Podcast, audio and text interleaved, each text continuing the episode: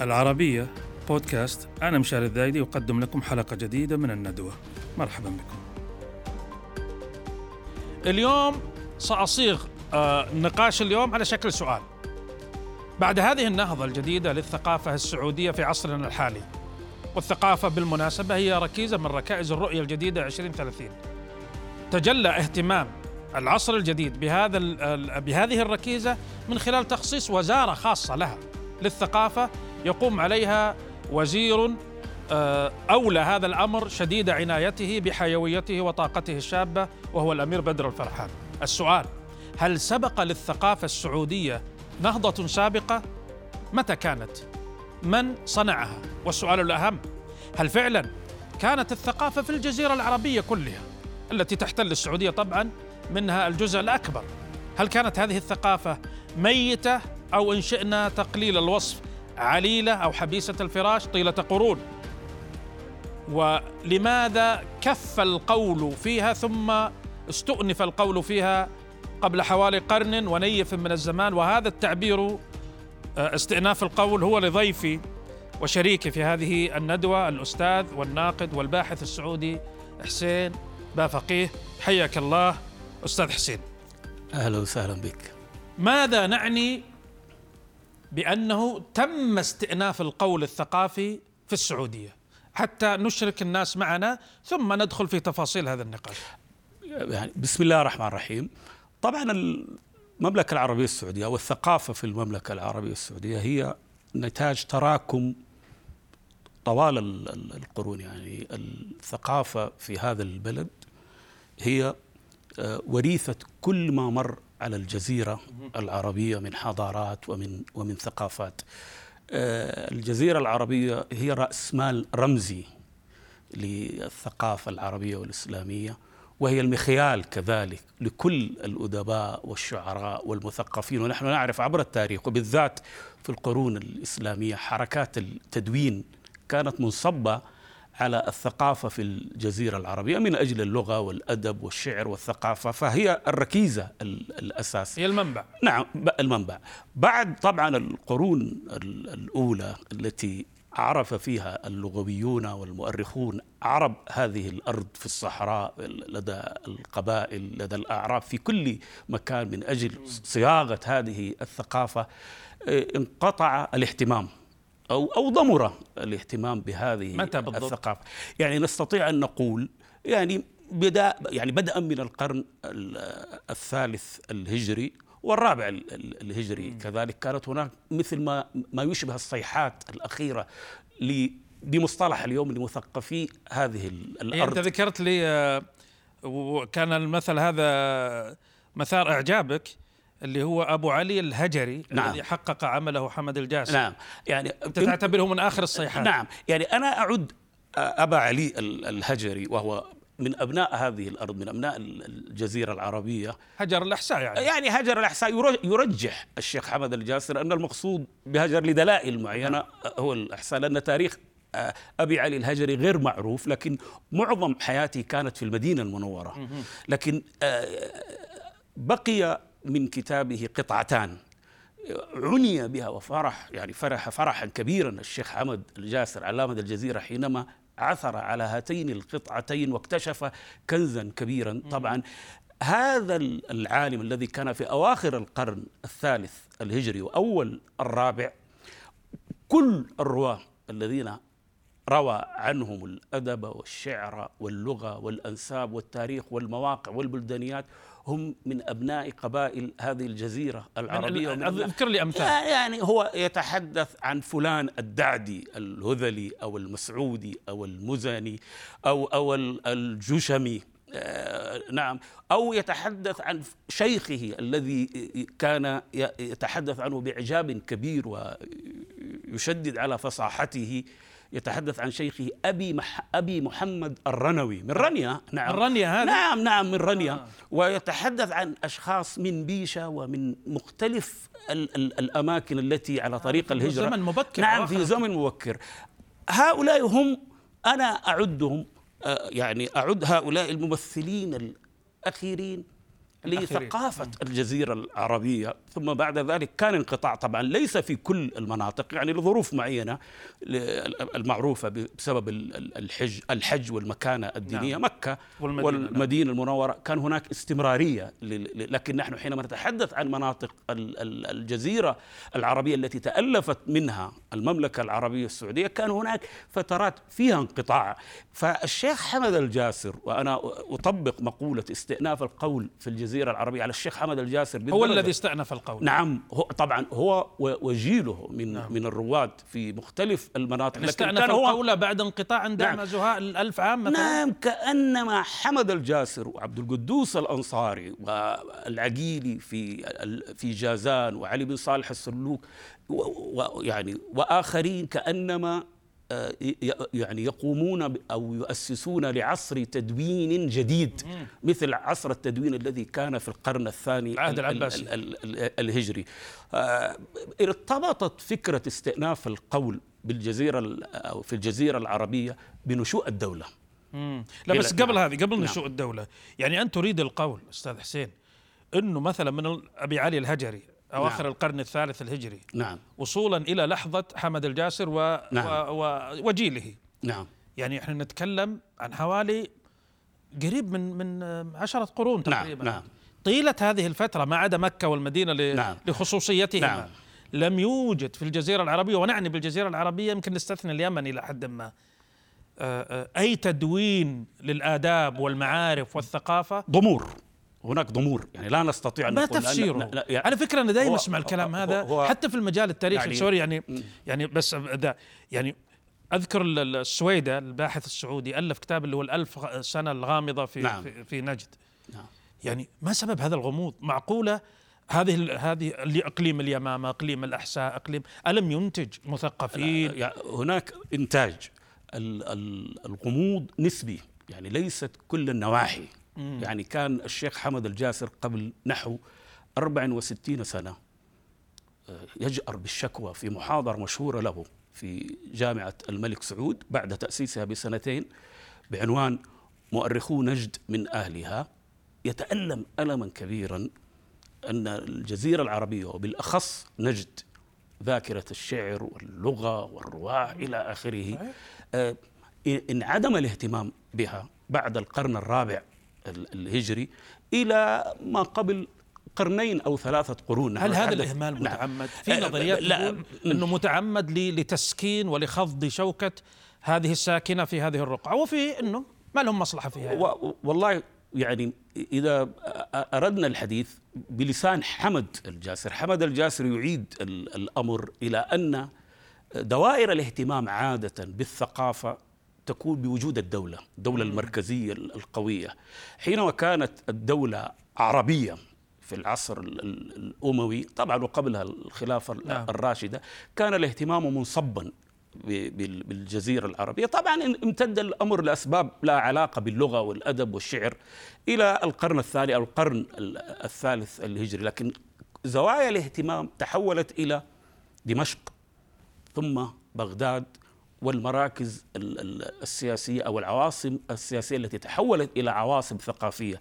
طبعا الموضوع لا يختص فقط بالجزيرة العربية، نحن نعرف حتى في تاريخ الأدب والشعر العربي أن الشعراء الذين يسلط عليهم الضوء والاهتمام هم عادة الذين يدورون في آه، حول البلاط أو في كنف البلاط هل هذا السبب الذي حمل بعض النابغين من أبناء الجزيرة العربية إلى الرحيل إلى عواصم الإشعاع والتأثير وال... يعني مثلا أنت كنا نتحدث أحد اشعر شهراء شعراء مصر أشهر واشعر شهراء مصر شعراء مصر اللي هو البهاء زهير فاجأتني حينما قلت لي أنه أتى من, من بادية نخلة. من بادية هذيل أيوه من وادي نخلة في زمن نعم. متأخر نعم. يعني نعم. وراح للقاهرة نعم نعم والطريف في الأمر أن هناك تنازعا حول هوية البهاء زهير آه، يعني المصريون يعدونه شاعرا مصريا وأبناء الجزيرة العربية يعدونه شاعرا مكيا أو حجازيا. نعم. وهو في الأخير شاعر عربي.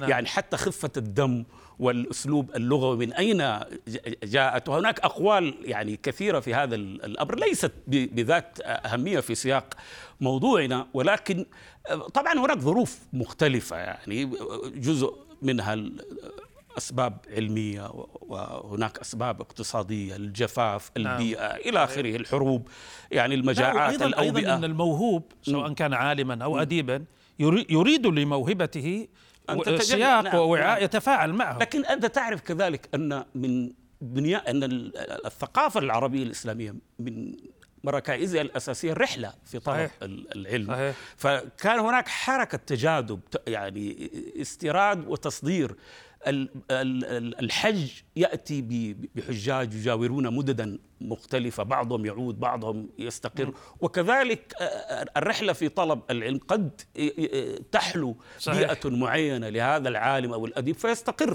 إنه الرحلة العلمية أيضا لم تتوقف أغلبها يطلع من الجزيرة العربية يروح للحواضر بغداد العراق الشام دمشق الشام قاهرة مصر إلى آخره. أيضا كان في رحلة معاكسة. يعني أنا أتذكر مثلا بعض المحدثين اللي في اليمامة طبعا في مكة كان يؤتى إليهم يرحل إليهم. يعني مثلا المالك صاحب الإمام مالك في المدينة وغيره. لكن هذه في زمن في زمن الازدهار. أريد فقط أن آه، تكمل القول حول استئناف مشروع حمد الجاسر. أنت وضعت حمد الجاسر على علامه الجزيرة العربية. هذا لقبه. نعم. ولعل اللقب مستحق لأنه أعاد القول في الجزيرة نعم. العربية. ملامح مشروع حمد الجاسر ولو بعجالة. يعني حمد الجاسر مشروع الأساس هو إعادة القول أو استئناف القول في الجزيرة العربية. يعني مجمل أعماله آه، منذ شبابه حينما كان طالبا في مكة ثم بعد ذلك حينما أصبح معلما تنصب حول الجزيرة العربية. جزء من عمله كان تصحيحا لكثير من المقولات التي تقال عن الجزيرة العربية من المؤرخين والبلدانيين العرب واهتم منذ فترة مبكرة من حياته بالآثار وكان ينشر مجموعة من المقالات في جريدة أم القرى الجريدة السعودية الأم. ثم بعد ذلك اكتمل هذا المشروع حينما بدأ في رحلاته. وحمد الجاسر رحالة كبير. نعم. رحالة كبير.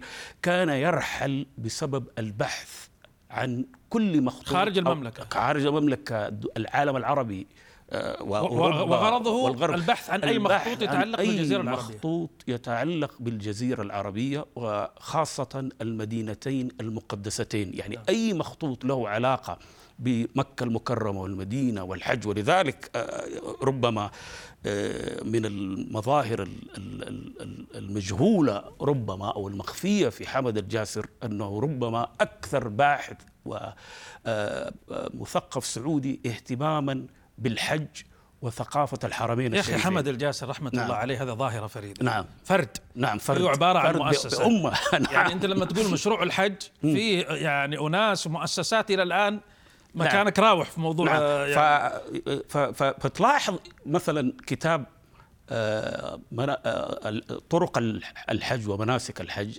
المنسوب لأبي إسحاق الحربي طبعا نعم. صحح نعم. صححت النسبة بعد ذلك أو الدرر الفري الفرائد المنظمة في آه، تاريخ الحج والطريق إلى مكة المكرمة لعبد القادر الجزيري في مجلدين ضخمين وصفة جزيرة العرب وبعد ذلك تلخيصه لعشرات الرحلات الحجية أو الرحلات نعم. الحجازية ونشرها في مجلة العرب. كل ذلك ينصب وحكينا عن مشروع الجغرافي. طبعا المشروع الجغرافي الذي الذي بدأه هو وجند له مجموعة من أعلام البلدانيين والجغرافيين في المملكة وصارت هناك يعني فعلا عملية مسح جديدة لجغرافية هذه الجزيرة وربط العربية الماضي بالحاضر. مشروع جغرافية المملكة العربية السعودية الصراحة هذا- هذا فعلا مشروع استئناف القول استئناف في الجزيرة القول. العربية لأنه أعاد ذكر الأماكن والموا... آه، الحديث عن المواضع والأماكن بعد نعم. أن توقف الهمداني نعم صفة جزيرة نعم العرب نعم يعني. نعم ف, ف يعني من صفة جزيرة العرب إلى عبد القدوس الأنصاري ولا بد القدوس أن ننوه نعم. هنا بعبد القدوس الأنصاري عبد القدوس هو أول عالم آثار سعودي ويلفت النظر أنه بعد تقريبا سنتين من إعلان توحيد اسم البلاد المملكة العربية السعودية أخرج عبد القدوس الأنصاري أول كتاب في علم الآثار في المملكة وهو آثار المدينة المنورة رحمة الله نعم. عليه وهذا يقودنا بعد أن تحدثنا عن النجدي حمد الجاسر إلى أعلام النهضة الحديثة أو إعادة القول أو تجديد القول أو استئناف القول كما قلت في آه، الحواضر الكبرى في الحجاز حواضر نعم. العلم بالذات مكة والمدينة والطائف فهل تزامن أو يعني هل كان ثمة وعي عند الرعيل الأول كما تسميهم نعم بأنه بأننا محت يعني بحاجة إلى قول جديد في بالذات بعد قيام ال- المملكة الحجازية النجدية اللي أسسها الملك نعم. عبد العزيز التي أصبح لاحقا اسمها المملكة العربية السعودية نعم. هو يعني يلفت النظر أن أول كتاب في الأدب العربي في المملكه العربية السعودية وهو أدب ال- الحجاز تقريبا تسيطر عليه من فكرة ألفه؟ هو جمعه ورتبه محمد سرور الصبان وشارك فيه ستة عشر أديبا شابا من مكة سنة المكرمة سنة 1344 للهجرة يعني 1925 25. ميلادي يعني العام الهجري القادم نحتفل بمرور 100 عام على العام الجاي. العام نعم نعم نحتفل نعم. ب 100 100 100 عام على صدور أول كتاب في الأدب الحديث الأدب نعم الحديث في الأدب الحديث في المملكة يعني نحن على العربية. موعد على عدد من المئويات نعم نعم بدأ من السنة بدأنا. طبعا لا لا من هذه بدأناها السنة من أم القرى. بأم القرى طبعا نحن سوف نشهد مئويات وهذا حدث مهم جدا طبعا نحن نتحدث ولا بد أن نركز على المسألة الأدب الحديث والثقافة نعم. الحديثة أما الثقافة العالمة الثقافة العربية القديمة أو فهي اللي سميتها أنت نعم. الثقافة المسجدية الثقافة المسيحية حلق المشايخ نعم نعم نعم موجودة في الحرمين بالذات. ومستمرة وكانت قوية ومعطاءة نعم, نعم. نعم. فهذا الإحساس بإعادة القول أو الاستئناف القول في الجزيرة العربية كان يصدر على شكل بكائيات في كتاب أدب ال- الحجاز. يعني معظم ال- القصائد ومعظم المقالات آه، ذات الطابع الرومانطيقي أو الرومانسي فيها هذا الإحساس بمأزق الخروج من التاريخ. أن هذه الجزيرة العربية أو الحجاز الذي كان في يوم من الأيام مصدرا للحضارة والثقافة آن له. آن له أن يستعيد دوره. طبعا في نغمة فيها جزء من الألم للخروج من التاريخ العجيب في الأمر أن عبد الوهاب آشي في قصيدة من قصائده يحمل تبعة الخروج آه، يعني من الجزيرة العربية وعدم الاهتمام بها. بأبناء الجزيرة العربية ال- طيب. الأمويون في دمشق والعباسيون هي في ابناء لا،. هم أبناء الجزيرة نعم، نعم. هذول أبناء الطائف وهذول أبناء. مكة والمدينة مم. لكن ممكن أحد يقول لك إنه طيب آه ما تسميها أنت استئناف قول بالذات في الأدبيات ال- الشعرية نعم. الإبداع. ليس إلا رجع صدى لما يح... رجع صدى حتى متواضع. نعم. مش محترف لما في الساحة المصرية آنذاك. يعني نعم. مش مش منتج أصيل. نعم. لا هو نحن لا نستطيع أن نقول آه، منتج أصيل أو غير منتج أصيل لأن هذا هذا أدب عربي واحد. يعني ما يحدث في مصر يؤثر في مختلف البلاد وكذلك في العراق أو في في بلاد الشام. نحن نتحدث عن أدب وثقافة آه، مشتركة. في نعم. محاكاه مش م- نعم. مش ينبع من نفس ال- نعم نعم. محاكاة لكن ال ال ال والمضامين حتى لا تختلف كثيرا. ولعلي أزيد فأقول إن التأثير في تلك المرحلة كان للمهجري للمهجريين وليس للمصريين. مهجريين كان- اللبنانيين. نعم, نعم ميخائيل نعيمة أيوة، وجبران اللي- خليل جبران آه، آه، يعني تقرأ بعض المقالات وكأنك تقرأ مقالات هذا اللي يقصد. نعم نعم. لكن لا هي تعبر عن هموم أولئك الشباب. يعني آه أنا أنظر إلى ثقافة أدب الحجاز. هي ثقافة معلمي المدارس وطلاب المدارس في في تلك الفترة لأن معظم الأدباء الذين شاركوا في كتاب أدب الحجاز هم إما معلمون في المدارس الحديثة وليس المدارس المسجدية وال... نعم أو أنهم كانوا من الطلاب. يعني إما يكون معلما أو طالبا. طبعا أهم مدرسة خرجت لنا الأدباء الجدد أو الأدباء المحدثين كانت هي مدرسة الفلاح, الفلاح. في جدة وفي مكة المكرمة. صاحبها زينا لكن نعم. من هو صاحب أجرأ قول من هؤلاء؟ هل مثل ما فهمت منك محمد حسن عواد نعم. هو الأجرأ؟ طبعا. كان يسيطر على كتاب أدب الحجاز للأمانة. لغة جريئة لغة قوية جدا. كان آه، الأدباء يصبون جام غضبهم على الثقافة المسجدية منذ افتتاح الكتاب. يعني محمد سرور الصبان كان يحمل هذا رأيه يعني نحن رأيه وأنت رفضته. نعم نعم, نعم. يعني يحمل تبعة تأخر الثقافة في الحجاز والأدب في الحجاز على الذين قالوا إنهم علماء. على حلق المشايخ لا, لا طبعا نحن يعني يهمنا الدلالة ولا يهمنا طبعًا. المضمون.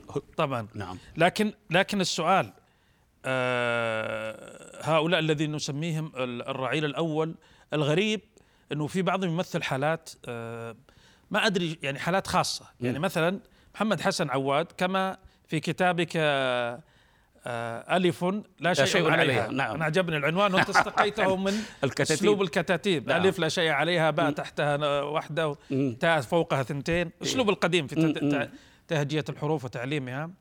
أنه هذا الرجل الثائر الذي قدم للبعض بأنه علماني أو كذا كان في نفس الوقت متأثر بالشيخ محمد عبده والشيخ محمد بن عبد الوهاب وبرشيد رضا وفي نفس الوقت متأثر بسلامة موسى يعني مزيج, مزيج انتج محمد حسن عواد. لكن يعني ربما يكون من المؤثرات الأولى وهذا بالدلائل التاريخية وباعترافه هو يعني منتج خواطر مصرحة في كتاب عواد نعم. نعم لمحمد حسن عواد.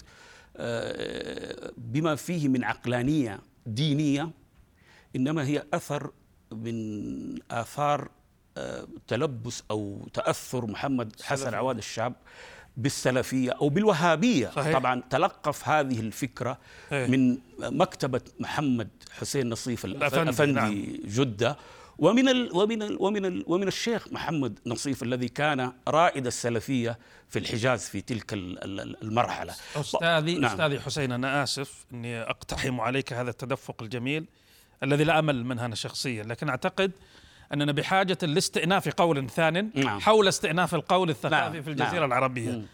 أنا آه شديد الامتنان لك على هذه الإضافة والإضاءة وأعتقد إنه موضوع الثقافة السعودية يحتاج إلى حديث كثير كثير جدا لأنه هو المدماك الرئيسي لبناء الهوية نعم. أو الهوية السعودية شكرا لك شكرا لكم متابعينا وإلى لقاء جديد كونوا بخير